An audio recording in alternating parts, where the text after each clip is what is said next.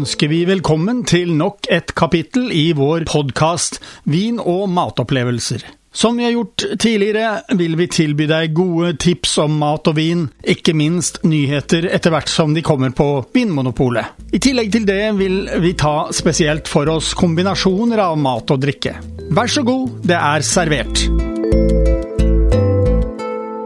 Ja, Harald, da sitter vi her igjen i Studio 1. Eh, veldig, veldig hyggelig studio. Det er ikke så mye knapper og lys og røde lys som står og blinker og alt det der. Nå har du fått en hvitvin i glasset. Det er en, eh, en chardonnay. Jeg holdt på å si selvfølgelig, fordi den kommer fra Bourgogne. Og der går det ofte i eh, chardonnay når vi snakker om hvitviner.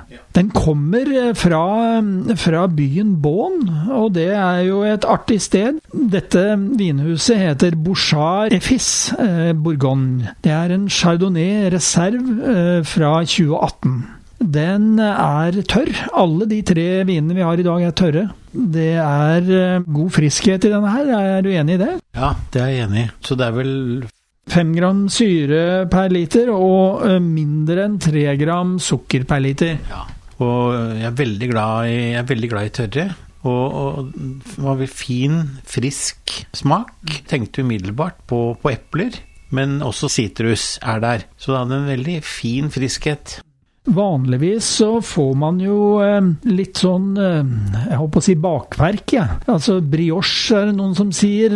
Man snakker om eh, hvite viner av chardonnay-druen eh, fra Bourgogne. Det var ikke så mye av her, men det var mer friskhet. Noe som vil jo absolutt passe godt til eh, fiskemat.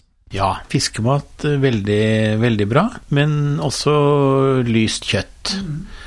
Men du sa noe interessant i stad, fordi at du mente også at det var en sånn smør At du fikk en sånn smørfølelse eh, når du drakk den, gjorde du ikke det? Jo, altså det, det er ofte en, eh, en, eh, tradisjonell karakteristikk fra chardonnay-druer, eller chardonnay-viner fra Bourgogne. Litt sånn Eh, brioche er, en, er, jo et bakverk som er, eh, har mye fett i seg. Og, og, da liksom kommer kanskje den litt sånn smøraktige fram også. Litt sånn bred eh, smak. Eh, en eh, god fylde. Denne vinen er jo ganske fyldig, men den har stor friskhet. Ja, veldig stor, behagelig friskhet. Ja, vi har nå fått litt mat på bordet, og eh, ja, det er vel eh, argentinske eh, dypvannsreker, eller hva, hva, hva, er det? Det er argentinske villreker. Er de veldig ville av seg? Ja, altså, Det er vanskelig for meg å si, eh, så jeg har bare det som står utenpå å holde meg til. Men de er iallfall veldig gode. De var kjempegode. Og til disse villrekene så har vi da hatt uh, hvitvinen. Og det var denne Bouchard Ené Fis Bourgogne Chardonnay Reserve 2018. Og rekene sammen med litt majones, eh, litt sitron Det ga god smak. Ja, det, det var veldig godt sammen, altså. Veldig godt. Det er jo slik at fettet i maten det tar liksom brodden av eh, den eh, syretoppen, og så fyller det ut hverandre. Det gjør det. Du, de, de, altså, det, var ikke forstyrrende det med, med, med, syreinnholdet når du drakk den alene, men den ble dempet noe, og det gikk veldig Akkurat som de fant veldig godt hverandre. Vi kan vel bare konkludere med at de fant hverandre. Og da må jeg bare informere om at uh, denne vinen, det er ikke noe billigvin. Altså, vi har sagt vi skal ha med en, en uh, rimelig vin hver gang vi er inne uh, i Studio 1, men denne vinen den koster da 180 kroner. 179,90. Så det er ikke noe billigvin, men for å si det sånn, bourgogneviner er ofte litt høye pris. Ja, det er nok eh, litt høyere pris, men de er jo også veldig gode. Så er det kvalitet, så, så koster det. Og det syns jeg er rimelig. For å si det sånn, det er et forhold mellom kvalitet og pris. Man må vel kunne si det. Harald, nå har vi da fått en uh, rosé i glasset. Det er en uh, delikat farge på den. Lukter friskt i duften. Og eh, ja, det er en Gustav Lorentz Pinot Noir Rosé 2019. Så koster altså Gustav Lorentz Pinot Noir Rosé 169,90. Det er en, eh, jeg vil si, eh, veldig god representant for rosévinene. Det er jo mye, mye bær, røde bær, i smaken. Ja, vi kjente vel i hvert fall bringebær, og hva var det du kjente? Jeg kjente først bringebær, men så syns jeg også at det fikk smakte rips. Den hadde en veldig fin friskhet, og det var en syreinnhold som var omtrent som den, den hvite. Det kledde den også veldig godt. Det er litt morsomt at vi drikker en um, rosévin fra Alsace, for der har vi jo vært sammen og hadde en veldig flott tur. Og så er det også litt morsomt at eh, den er fra Altså det er en pinot noir-drue. For det, det, Iallfall jeg, da, eh, assosierer det sånn stort sett med eh, rødvin. Så denne her vinen, den uh, gjetter jeg kan passe godt til ja, både fisk og lyst kjøtt, da, selvfølgelig, som du var inne på. Og um, des, i mine notater så står det også at den kan passe til salater. Det tror jeg også gjerne. Vi hadde jo, smakte jo en del gode salater der nede når vi var der, så det vil jeg tro. I dette måltidet, så, som er slett ikke dårlig, så har vi kommet til uh, Gustav Lorentz rosé. Og uh, ja, jeg er imponert. Den rosévinen vi har her nå, den ble ikke slått av banen.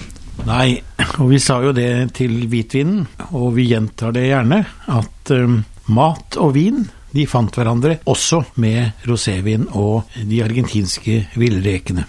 Nå har vi altså smakt både villreker, som du nevnte, og vi har smakt grekisk eh, olivenolje, og ikke minst crema di bianca fra Modena. Det er jo Ja, det er en balsamico. Og den er hvit, og den er søt. Sånn er det med det som ikke er asietto, altså eddik. Så vi har kost oss. Men i hvert fall, nå er vi på vei over til rødvin. Da har vi fått en Federico Paternina Tempranillo i glasset. Den er fra 2018, den også. Dette er en rødvin. Ja, den har god friskhet.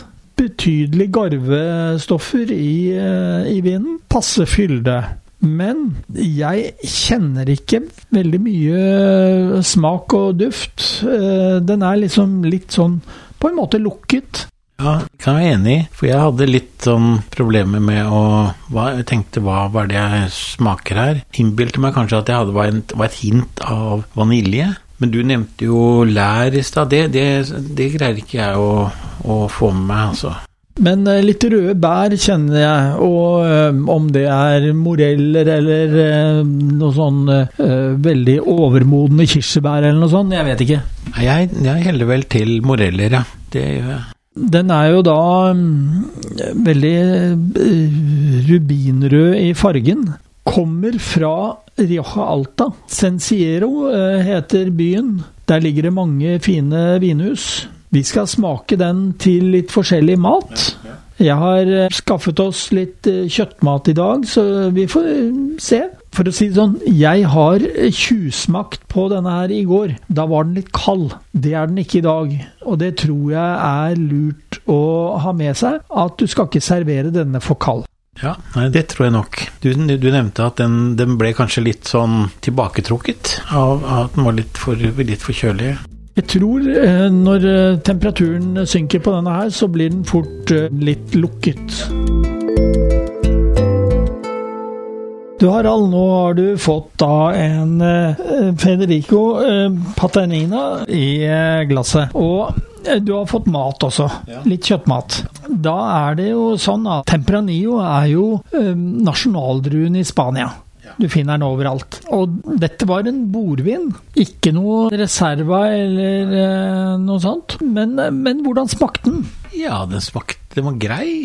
Den var Det er vel kanskje et tegn på, på den anvendeligheten, da.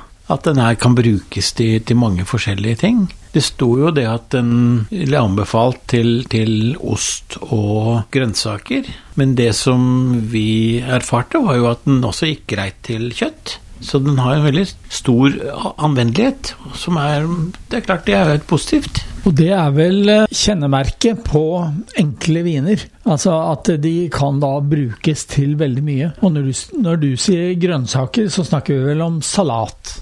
Ja, ja, mener, ja, salat. Det er jo salater, da. Hadde, den hadde jo eh, bra friskhet, og den hadde mye garvestoffer. Ja, jeg smakte den jo også til litt um, olivenolje med litt uh, balsamico oppi og litt sånn. Og uh, det gikk helt fint. Dette var jo um, den uh, typiske rimelige vinen vi hadde i dag. Frederico Panternina Tempranillo fra Rioja Alta i Spania. Den koster altså 120,80, altså la oss si 121 kroner. Nei, det er ikke det. Du får bra for de pengene. Da har du fått dagens podkast fra Radio Riks Oslo om mat og vin. Hvis du ønsker å abonnere på den, slik at du får den automatisk når nye blir lagt ut, kan du gjøre det. Lykke til! Kommende mandag får du neste kapittel. Vi høres!